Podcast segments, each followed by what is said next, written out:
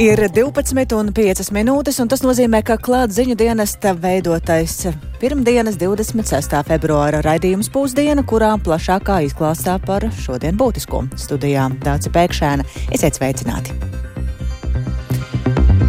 Un sākam ar šī brīža karstāko ziņu par to, ka korupcijas novēršanas un apkarošanas birojas ir veicis kratīšanu par ielu remontiem un satiksmi atbildīgajā Rīgas domas ārtelpas un mobilitātes departamentā. KNAB Latvijas radio sacīja, ka tas ir saistīts ar kriminālu procesu, ko KNAB sāka 8. janvārī, taču par ko lieta ir sākta birojā nekomentē. Un plašāk par situāciju domas departamentā ir gatavs stāstīt kolēģis Viktors Demīdovs. Sveiks, Viktor, saka, ko tev ir izdevies noskaidrot? Ziņot eh, par notikušo departamentā un ar ko sazināties.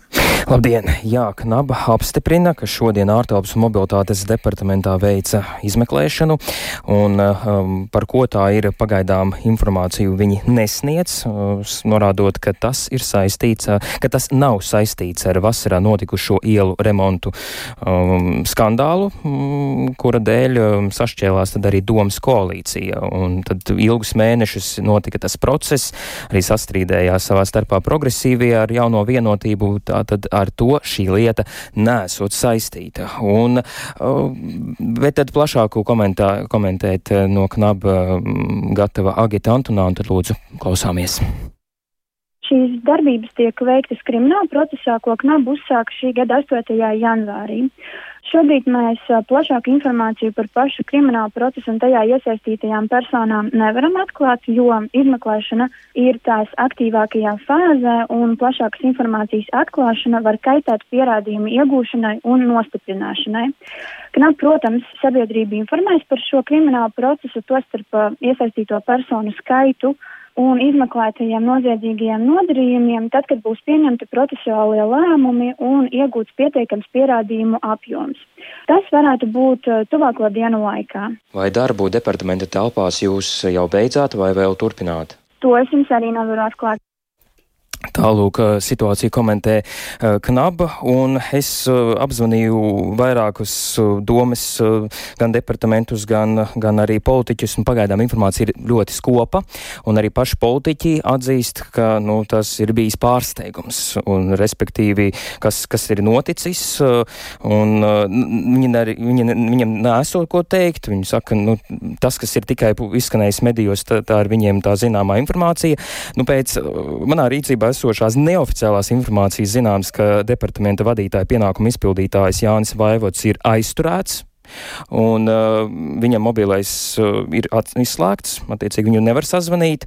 Uh, Knaps to neapstiprina, arī doma nekomentēt šo. Uh, plašāks komentārs, starp citu, būs bez 15 vienos rīkotajā tādā īsajā preses konferencē, bet tad es arī vērsos pie frakcijas progresīvie vadītāja Mārtiņa Kosoviča, kuram bija kas sakāms, un tad lūdzu klausāmies viņa teikto. Abi politiķi nu jau gandrīz četrus gadus cieši kūrēja un kontrolēja ne tikai satiksmes departamentu darbu, bet detaļās deva rīkojumus un saskaņoja departamentu vadītāju Jāņa Vaivada darbību. Mēs jau progresīvie jau vasarā atsaucoties uz trausmas ziņojumu un Rīgas izpildirektoru rosināto izmeklēšanu, aicinājām izmeklēt daudzu miljonu izsaimniekošanu satiksmes departamentā. Un gan sabiedrība, gan mēdīji redzēja, kā ķirsis un pulks ne tikai torpedēja izpildirektoru rosināto izmeklēšanu, bet visos veidos piesedza un glāba departamentu vadītāju vaivaru. Nu, šis viņiem kalpoja par iemeslu, lai gāztu Rīgas mēru Mārtiņu Staķi un izveidotu aprēķinu koalīciju, kuriem nu, visiem solidāri tagad būs jāuzņemas atbildība. Jā, un precizējuši abi tie politiķi, kurus eh, Kosovičs ir minējis, ir Olafs Pulks eh, un Vilnis Ķirsis, Rīgas mērs, eh, un abi divi ir no jaunās vienotības.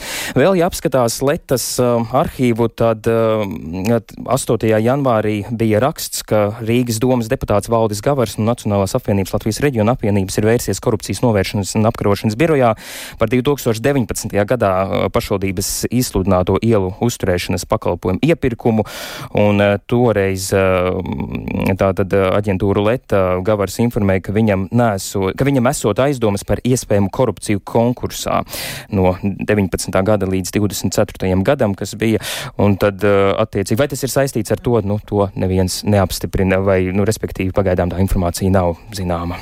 Respektīvi, pagaidām vēl daudz neatbildētu jautājumu, laidīsim tevi to daļu arī uz. Um, Iespējams, tas par kaut ko citu ir. Ka... Jā, gaidīsim precīzāku informāciju, kad tā būs zināma. Paldies Viktoram Demīdovam. Tas tātad par šī rīta izmeklējošajām darbībām ko korupcijas novēršanas un apkarošanas birojas ir veicis Rīgas domas ārtelpas un mobilitātes departamentā.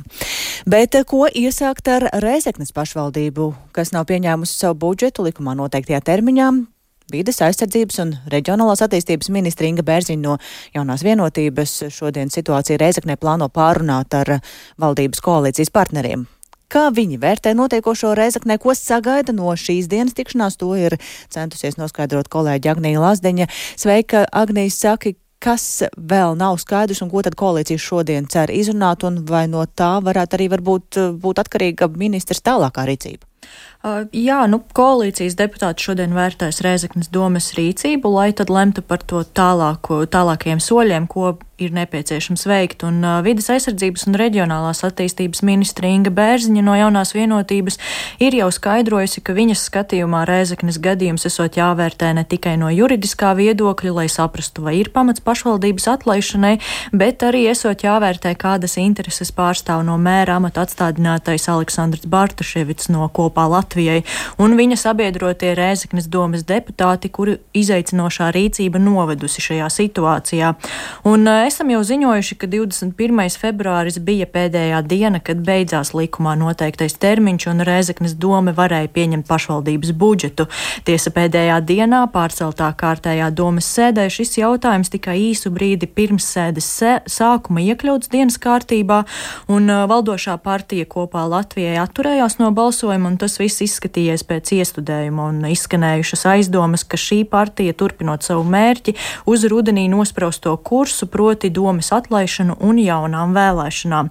Un eh, jāatzīmē, ka no 43 eh, pašvaldībām vienīgā, kas nav pieņēmusi, pieņēmusi savu budžetu, ir Rēzeknas pilsētas doma.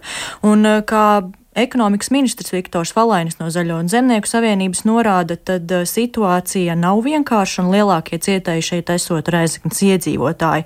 Un viņa prāt šobrīd būtu svarīgi saprast, kāda tad būtu vispareizākā rīcība. Turklāt katram Reizeknas deputātam un arī izpildu institūcijai esot jāapzinās pieņemto vai nepieņemto lēmumu sekas uz pašvaldību, jo pat laban ministram esot sajūta, ka ir cenšanās izvairīties no atbildības, kas attiecīgi noved ne pie tām pozitīvākajām sekām tieši iedzīvotājiem?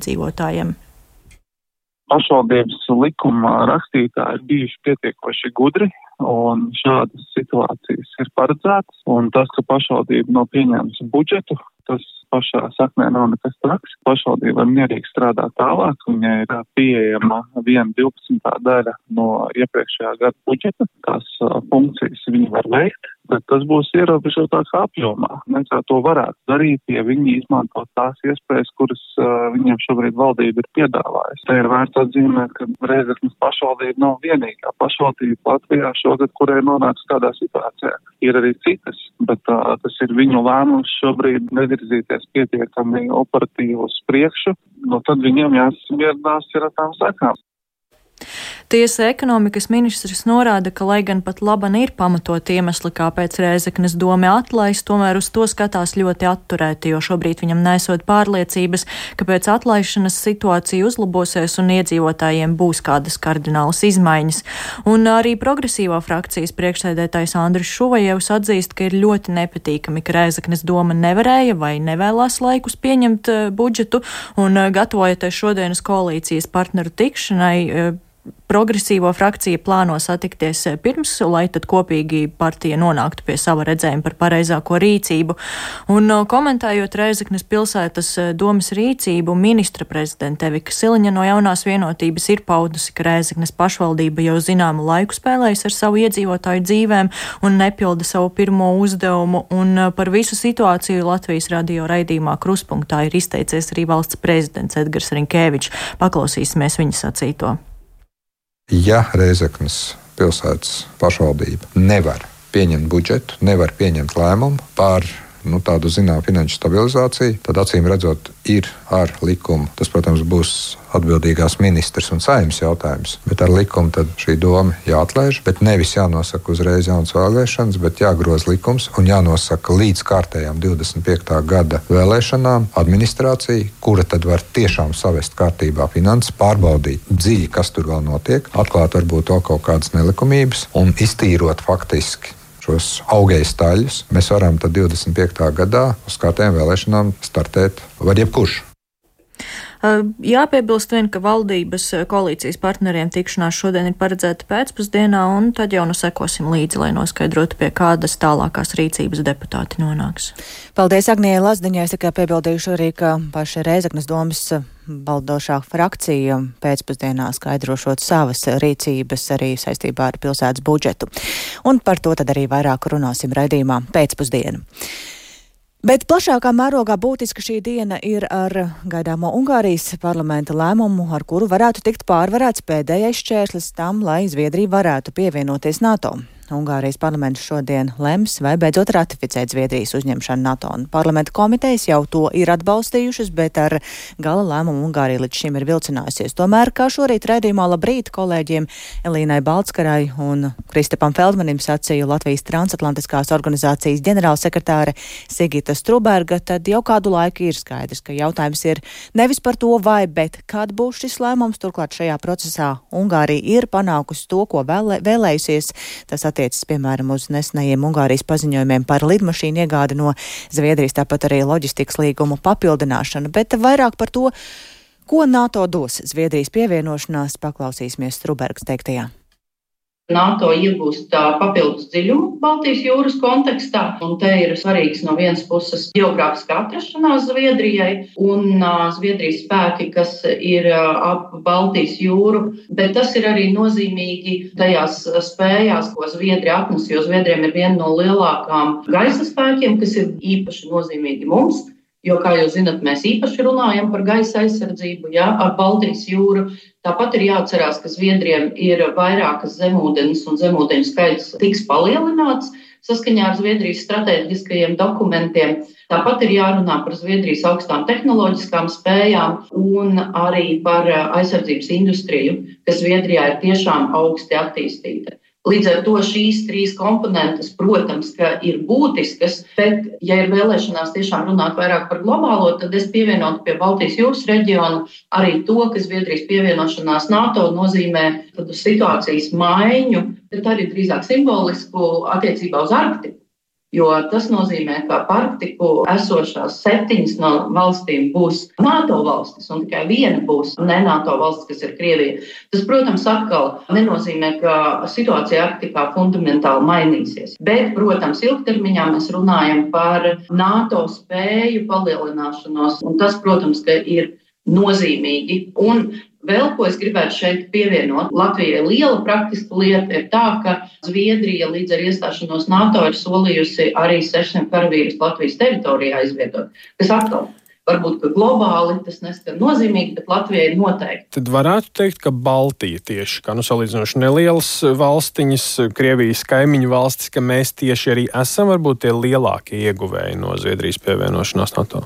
Es teiktu, ka noteikti Zviedri paši, Somi paši un mēs paši, teiksim, skatoties no citu Eiropas valstu perspektīvas, kas atrodas krietni tālāk no Krievijas, Portugālē vai Spānijā, tie iegūmi nav tik skaidri redzami, kā tie redzami Baltijas valstīs kur, kā mēs zinām, tā pati gaisa aizsardzība, ko es pieminēju, ir tas viens no vājajiem punktiem. Un tieši te Zviedrija ar savām vairāk nekā simts lidmašīnām ir nozīmīga primāri pašai Zviedrijai un kaimiņiem. Vai ir gaidāma kaut kāda Krievijas reakcija, vai mums ir jābūt kaut kam gataviem? Manuprāt, tie, kas baidās no eskalācijas, ir aizmirsuši, ka eskalācija ir notikusi jau tāpat. Un Krievijas rīcība par Zviedrijas iestāšanos, ne jau tā Zviedrijas iestāšanās, kas, kā es teicu, ir drīzāk nu, jau tāds jautājums, kad nevis vai ne jau tā eskalē situāciju. Krievija pati ir saeskalējusi situāciju līdz pēdējiem, un tā eskalācijas loģika notiek savādāk, ne pēc tā, vai iestājas Zviedrija vai ne. Tātad šis balsojums, ja ir pozitīvs, kā visticamāk arī būs Ungārija dod šo zaļo gaismu Zviedrijai, tīri praktiskā daļa vēl, kādi tad ir tie soļi, kādam procesam vēl jānotiek, lai Zviedrija būtu pilntiesīga NATO dalība valsts? Nepieciešami tālākie formālie soļi, kas attiecās uz nu, tādu pilnvērtīgu iestāšanos, bet tajā pašā laikā pēc Somijas piemēra mēs redzam, ka tā formālā daļa, kas attiecas uz pārējo, nu tā vienkāršā valodā runājot, papīra parakstīšanu, var tikt veikta salīdzinoši ātri. Un tālāk, kā jau es teicu, tā kā integrācijas process ir uzsācies jau, tad vienkārši tas turpināsies būtībā. Nu, jau ar tādu kārtīgu formālu pamatu.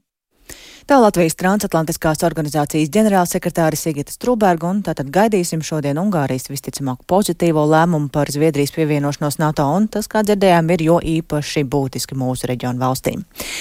Baltkrievijā ir notikušas parlamenta un pašvaldību vēlēšanas, taču jau pirms tām bija skaidrs, ka tas ir valsts ilgadējā vadītāja Aleksandra Lukašenko autoritārā režīma diriģēts iestudējums ar iepriekš paredzamām beigām. Trimdā dzīvojošie Baltkrievu opozicionāri tās nodēvējuši par viltus vēlēšanām, bet ASV norādījusi, ka balsojums neatbilda nekādiem demokrātiskiem standartiem. Tikmēr Lukašenko vakardienas balsojumu izmantoja kā platformu, lai paziņotu, ka viņš ir nolēmis kandidēt nākamā gada prezidenta vēlēšanās. Un vairāk pastāstīs kolēģis Uldis Česberis. Sveiks, Uldi! Kā ir aizvērtējušas nu, tā sauktās vēlēšanas Baltkrievijā? Jā, nu te mazliet tāda priekšvēsture jāpasaka, ka šis, šīs vēlēšanas bija pirmās kopš 2020. gada augustā notikušajām prezidenta vēlēšanām, kuru rezultātus acīm redzami eh, falsificēja. Tāpēc valstī izcēlās pla, plaši protesti, kuru, kurus režīmam ar nežēlīgu spēku izdevās apspiest tikai pēc vairākiem mēnešiem. Pēdējos gados Baltkrievijā nu, tā tēlaini izsakoties ir izravēti jebkādi opozīcijas aizmetņi, jo Aleksandru Lukašenko kritizējoši politiķi atrodas cietumā vai arī ir pametuši valstī. Baltkrievijā vairs nav arī neatkarīgu mediju un nevalstisko organizāciju. Un līdz ar to nu jā, šīs vakar notikušās tā saucamās vēlēšanas, nu, tas būtībā bija tāds fars. Un, jo tajās arī varēja piedalīties tikai kandidāti no četrām politiskajām partijām, nu, kas ir atklāti paudušas savu lojalitāti Lukašenko, bet nu, vēl vairākas partijas diskvalificēja. Un uz vēlēšanām arī neuzaicināja Eiropas drošības un sadarbības organizācijas novērotājus, nu, bet kupli bija pārstāvēti novērotāji no tādām uh, Minskai draudzīgām valstīm kā Krievijas, Kazahstānas un citām uh, bijušās padomju savienības uh, valstīm. Nu, trimdā dzīvojošā Baltkrievijas opozīcijas līderes Jatlana Cikanovska aicināja Baltkrievus nepiedalīties vēlēšanās, un viņi norādīja, ka tās, jā, nu, kā jau tika minēts, neatbilst nekādiem demokrātiskajiem standartiem. The people of Belarus see through this sham, this facade of democracy. Baltkrievijas iedzīvotāji redz cauri šai viltus demokrātijas fasādē, un ir būtiski, lai arī starptautiskā sabiedrība to saprastu. Mums ir jābūt nelokāmiem, tāpēc nedrīkstam atzīt šīs vēlēšanas un to rezultātu likumību. Baltkrievijas iedzīvotāji ir pelnījuši patiesas, godīgas un taisnīgas vēlēšanas, ko šis noziedzīgais režīms nevar nodrošināt un nenodrošinās. Baltkrievijas iedzīvotāji ir izrādījuši neticamu drosmi un izturību, saskaroties ar apspiešanu, tāpēc mums ir nepieciešams nepieciešams jūsu nelokāmais atbalsts mūsu centienos pēc taisnīguma un demokrātiskas pārvaldības. Ja savukārt eh, Cihanovskas vecākais padomnieks Franks Vjočarka sacīja, ka nu, būtībā tas bija tāds liels teātra uzvedums, kas, nu, kur abām pusēm bija skaidrs, kas tad, kas tad notiek. Varam paklausīties.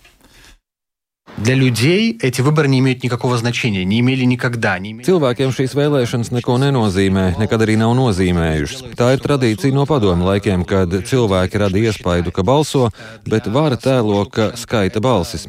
Lukašenko tas bija ģenerāla mēģinājums pirms nākamā gada vēlēšanām. Ja Lukašenko pārliecināsies, ka patiešām var radīt iespaidu, ka viss ir mierīgi, tad varbūt arī nākamajā gadā tiks cauri. Bet es domāju, ka netiks cauri. Nu, я думаю, что не прокатит.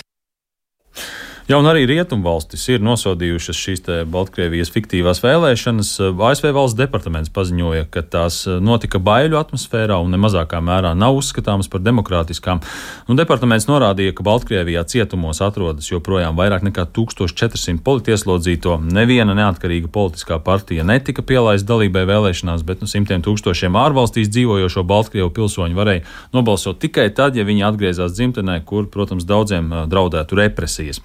Un ASV aicināja Lukašenko režīmu izbeigt represijas, atbrīvot visus politieslodzītos un sākt dialogu ar politiskajiem pretiniekiem, un uh, departaments arī norādīja, ka Baltkrievu tauta ir pelnījusi ko labāku. Bet Vācijas ārlietu ministrijā arī nosodīja Baltkrievijas uh, te, šīs te vēlēšanas un norādīja, ka Baltkrievijas varas iestādes joprojām turpina īstenot sistemātiskas represijas. Un uh, viņi sa arī sacīja, ka Lukašenko režīms izmanto visus pieejamos līdzekļus, lai apspiestu Baltkrievijas iedzīvotāju demokrātiskos centienus, jo šis režīms jau ir pieredzējis um, Baltkrievijas iedzīvotāju spēku, un šis spēks nu, turpina šo režīmu biedēt.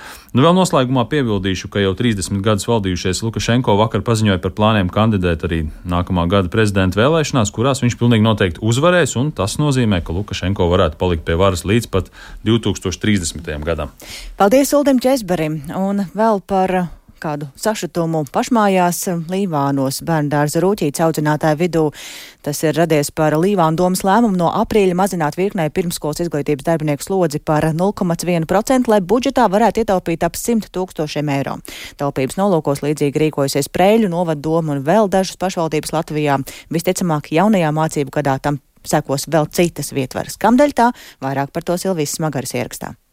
Līvāna novada domes sēdē iekļautais punkts par darba likmi mazināšanu par 0,1% pirmskolas iestādē rūķītis deputātu vidū raisa gandrīz stundu ilgas diskusijas. Atalgojums pirmskolas skolotājiem ar šo gadu ir pieaudzis būtiski, un tas ir pelnīti, uzsver ar Līvāna novada domes lēmumu neapmierinātās bērndārza rūķītis audzinātājs. Un tagad, ja man arī šo pašu gribu, arī viņi noņem. Pirmkārt, tas attiecās tikai uz eh, pašvaldības eh, apmaksātajiem skolotājiem. Tie ir 23 mūsu gadījumā. Likmes samazinājums par 0,1% būs piemērots tikai no pašvaldības budžeta finansētajiem pedagogiem. Viešu skaidrību rūķītas vadītājas vietniece Ligita Svīrska. Tika veikta izpēte, cik ļoti liels pieprasījums tieši bērnu skaita ziņā rīta stundās līdz pusastoņiem, jo mēs sākam darbu no 6.45. Un uh, vakara stundā no pulkstens pussešiem līdz septiņiem. Grupās paliek tajā laikā 4-5 bērni. Šis ir iemesls, kāpēc pārliekam nosakam skolotāju grafikus. Līdzīgu soli spērus arī kaimiņa prēļu novada doma, tikai to darot jau gada sākumā. Te slodze samazināta 35 pirmskolas pedagogiem, stāsta izglītības pārvaldes vadītājs Andrejs Zagorskis. 0,85, mums bija 0,92. Turklāt ar visu likmes mazinājumu algas pieaugums vienalga šiem pedagogiem būs. Ja samazināta slodze ir algas pieaugums 150 eiro visiem pedagogiem, kuru mēs no 0,92 un mēs uz 0,85 pārkājām.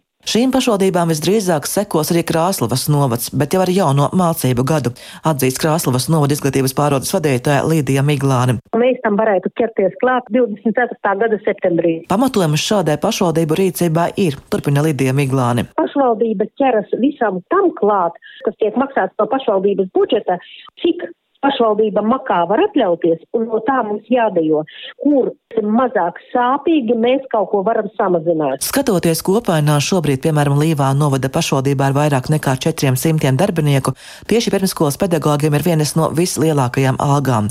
Likme mazinājumu šai kategorijai skaidro Gīnta Kraukle. Izglītības un zinātnes ministrija ar šo atalgojumu sistēmu ir izjaukusi algu ekosistēmu pašvaldības griezumā uz doto brīdi lielāka alga par pirmsskolas pedagogu pašvaldībā ir 25 speciālistiem.